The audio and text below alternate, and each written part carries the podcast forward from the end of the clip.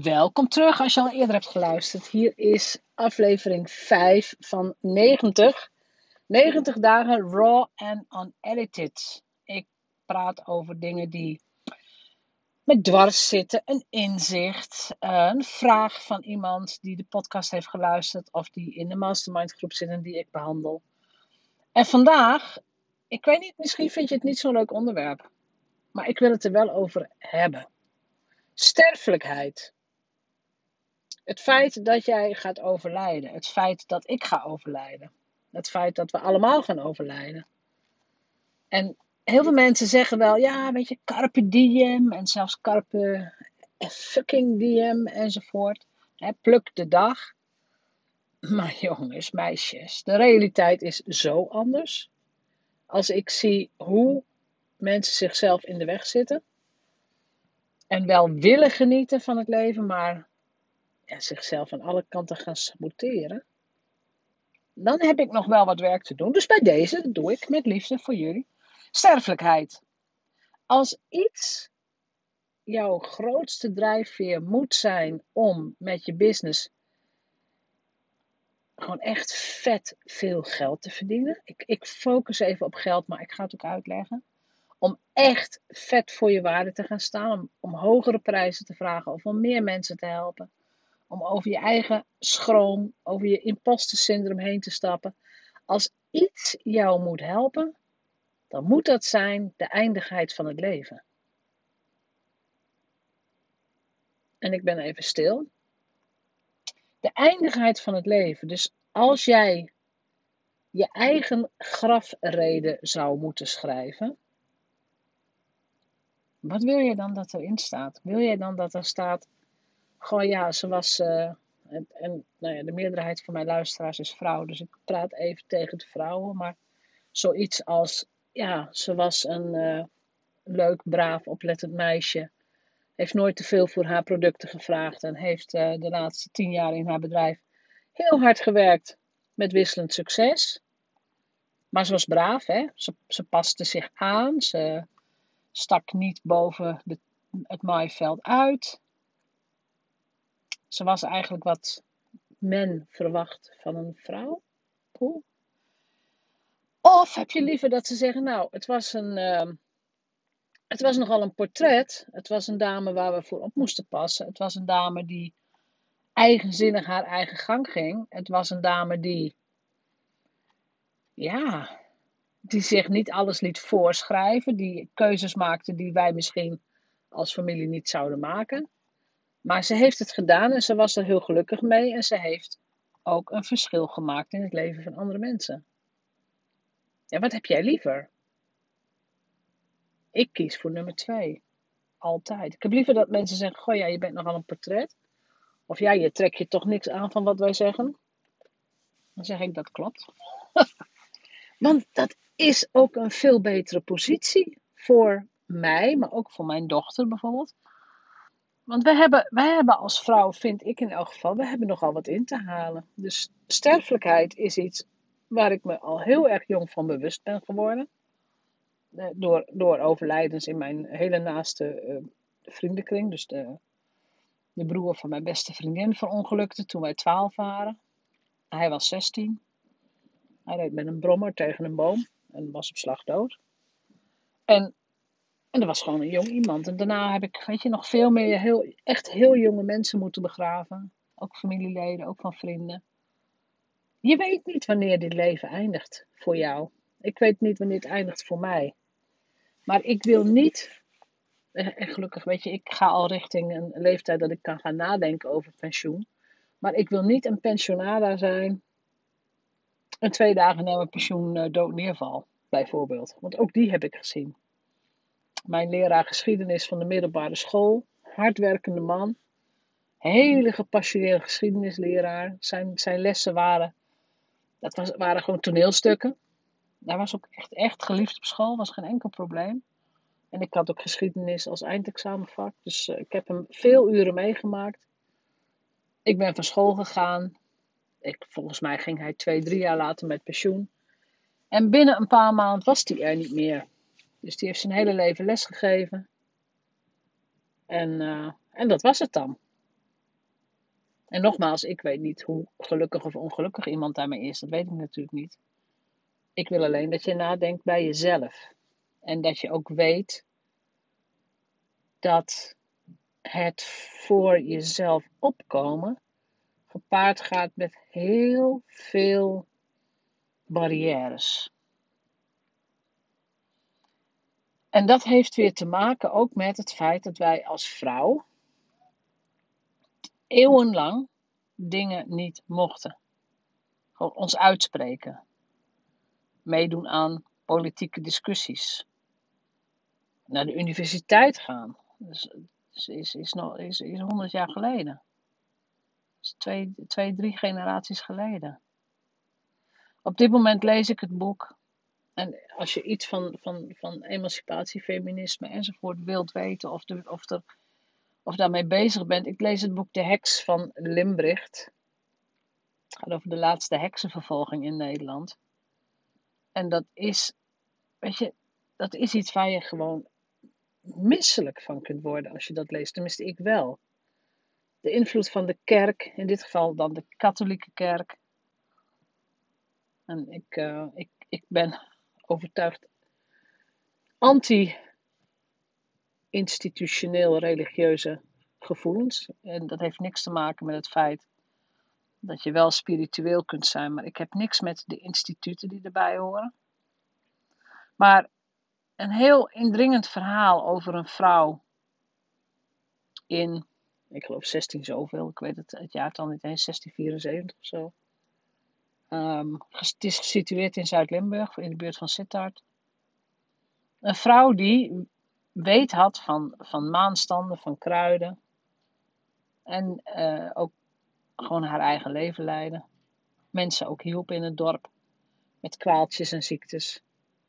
En die op een gegeven moment op haar 73ste, let wel, oude vrouw geworden in die tijd, de beschuldiging krijgt dat ze heks is.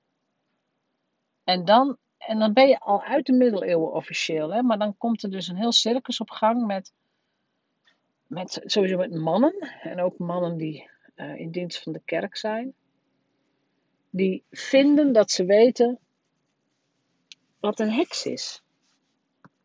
En dat, dat, gaat echt, dat gaat echt helemaal nergens over.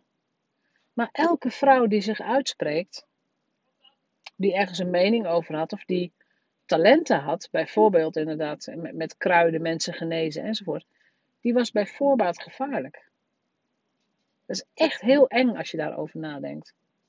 Er was ook geen, als ik het boek lees, weet je, dat is natuurlijk een interpretatie van de geschiedenis, maar er was ook geen geen vrouwencollectief. Het is ook niet zo dat je op andere vrouwen kon rekenen als dit soort processen gaande waren. Want jij ging op de brandstapel, maar jouw vriendinnen ook.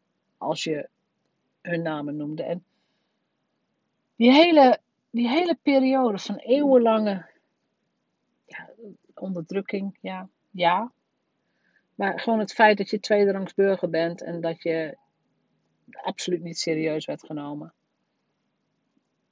Dat heeft en daar ben ik echt van overtuigd, dat heeft bij vrouwen ook gezorgd voor veranderingen in hoe ze gehardwired zijn. Dus ook in hun DNA. Inmiddels is het bekend, hè?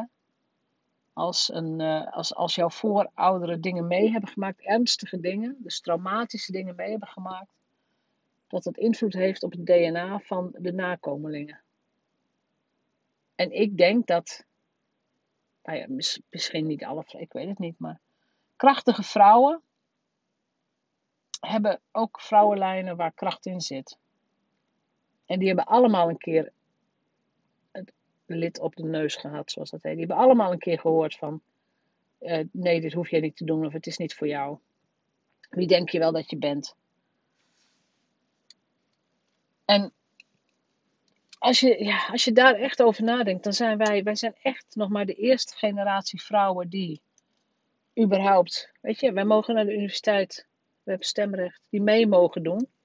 Maar nog steeds, nou, we mogen autorijden, nog steeds op de voorwaarden van mannen. En ik zeg het even heel zwart-wit expres.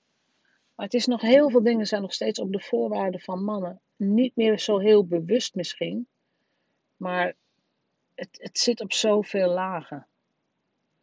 En het enige wat wat, wat ik hieraan kan doen, is zorgen dat ik beslissingen neem en dat ik ook leef.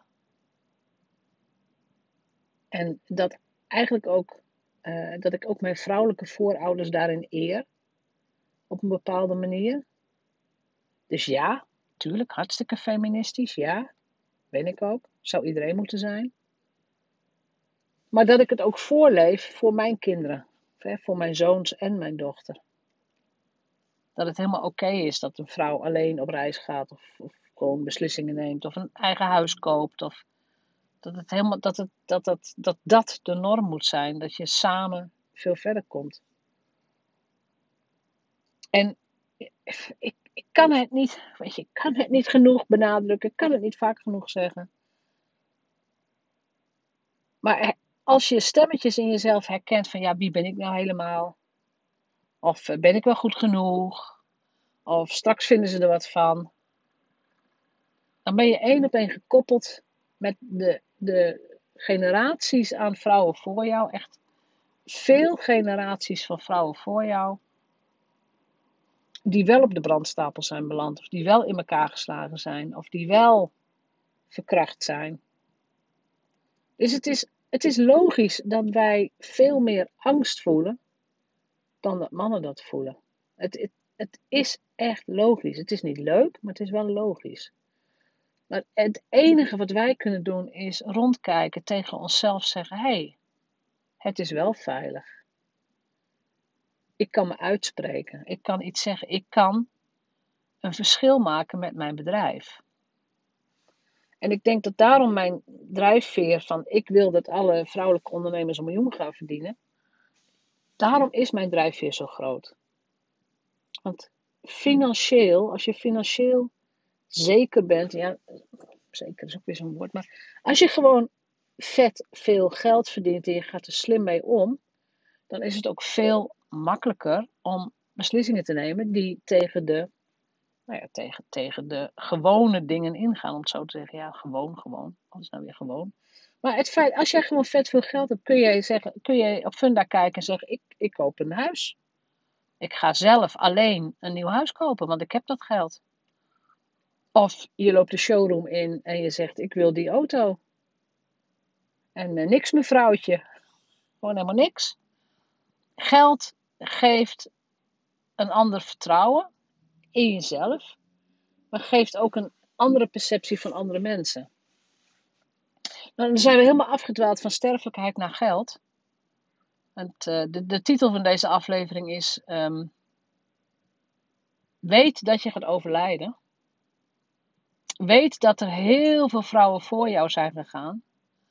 Maar dat er ook nog heel veel generaties vrouwen na jou gaan komen. Dus elk stukje wat jij kunt veranderen in de ja, in die hele geschiedenis van, van vrouwen en heksenvervolgingen en alles wat erbij hoort, elk stukje wat jij kunt veranderen, daar mag je jezelf een applausje voor geven. Dat je zegt van weet je, al is het alleen maar mijn directe omgeving, dus ik, dat je het aan je moeder of je zus laat zien en dat de kinderen, dat jouw dochters beter af zijn dan jij, of in elk geval dat je het hier met ze over hebt. Alles is een stapje in een andere richting. Gaat niet makkelijk zijn, weet ik wel. Gaat helemaal niet makkelijk zijn. Het, het, het blijft natuurlijk een, uh, een eeuwenoud principe. Maar hé, hey, we moeten iets doen. We moeten iets. Dus zorg dat je goed opgeleid bent. Zorg dat je de goede dingen leert. En zorg dat je gewoon vet veel geld verdient. Wat je ook voor jezelf, voor je eigen ontwikkeling, voor jouw business gaat gebruiken. Laat je kerel er niet mee vandoor gaan. Maar dat heb ik ook al een paar keer gezien. Vrouwen die dan toch in een relatie stappen, een bepaalde afhankelijkheid gaan krijgen. Ja, ik bedoel, ik wil niet zeggen dat je niet in een relatie moet stappen, maar laat ik het zo zeggen, die een bepaalde relatie krijgen die misschien niet de gezondste relatie is. En wat dan ook wel blijkt, want ik, in de afgelopen tijd twee vrouwen, sowieso die ik goed ken, um, die van hun partner af zijn, met, met of zonder toestanden enzovoort. Maar in elk geval met, uh, met heel veel geld wat ze verloren hebben, wat zij verdiend hebben. Wat zij bij elkaar gewerkt hebben en waar, waar die man ermee vandoor is gegaan. Dan denk ik, hallo, laat het je niet gebeuren. Gewoon niet. Eigen bankrekening. Je stort maar wat geld op de NOF als je dingen samen wil doen. Maar de rest is van jou. Het is jouw bedrijf, jouw business. Heb ik het even over het feit dat je het ook alleen doet. Maar het is jouw bedrijf, jouw business. Jij hebt te bepalen wat er gedaan moet worden. En jij, en jij regelt dat. En daar kan niemand bij. Nou ja, anyway. Best een serieuze aflevering zo even op de maandagochtend. Um, waarom heb ik dat op deze manier, of tenminste waarom vandaag? Eh, sterfelijkheid, denk, denk aan de dingen die je wil doen. Dat heeft ook weer te maken met een sterfgeval in mijn directe vriendenkring. En, en het was allemaal niet, niet ernstig in de zin, het was een oudere man, dus de vader van een van mijn vrienden. Maar we hebben, het weer, we hebben het weer over het leven en over de dood gehad. En dat je dus dingen niet moet uitstellen. Dat als je iets wilt, dat je daar vandaag aan moet beginnen.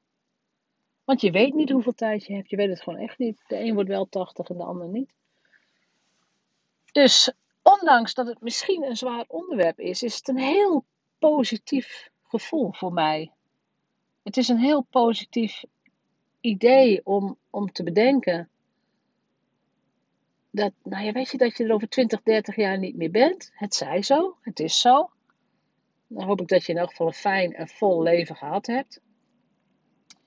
Maar dat je dus ook daarom nu al moet besluiten. Ja, waar sta ik eigenlijk voor? Wat wil ik eigenlijk? Wat wil ik doen? Dus het is heel positief. Dat je, hou van jezelf, hou heel veel van jezelf. Doe de dingen die goed voor jou zijn. Dan zijn ze ook goed voor de mensen in jouw omgeving. En, en geniet gewoon dat wat het leven geeft. Maar, en, maak ook moeilijke keuzes. Maak ook de keuze om je prijzen te verhogen. Maak ook de keuze om nou ja, iets, iets anders aan te gaan bieden als één ding niet loopt. Maak de keuze. En maak ook radicale keuzes omdat jij wilt dat ze gemaakt worden. Omdat jij vindt dat dat jouw leven het beste dient. Oké. Have, a, have a great day, zouden ze in Amerika zeggen. Dus heb een geweldige dag. Denk na over je sterfelijkheid. Schrijf eventueel je eigen grafreden. Het is niet morbide. Het is juist heel erg verlossend om dat te doen. Omdat je dan, nou ja, de eigenwijze, ongetemde vrouw kunt worden. Waarvan ik graag wil dat je, dat je die bent. Heel veel plezier vandaag en tot morgen.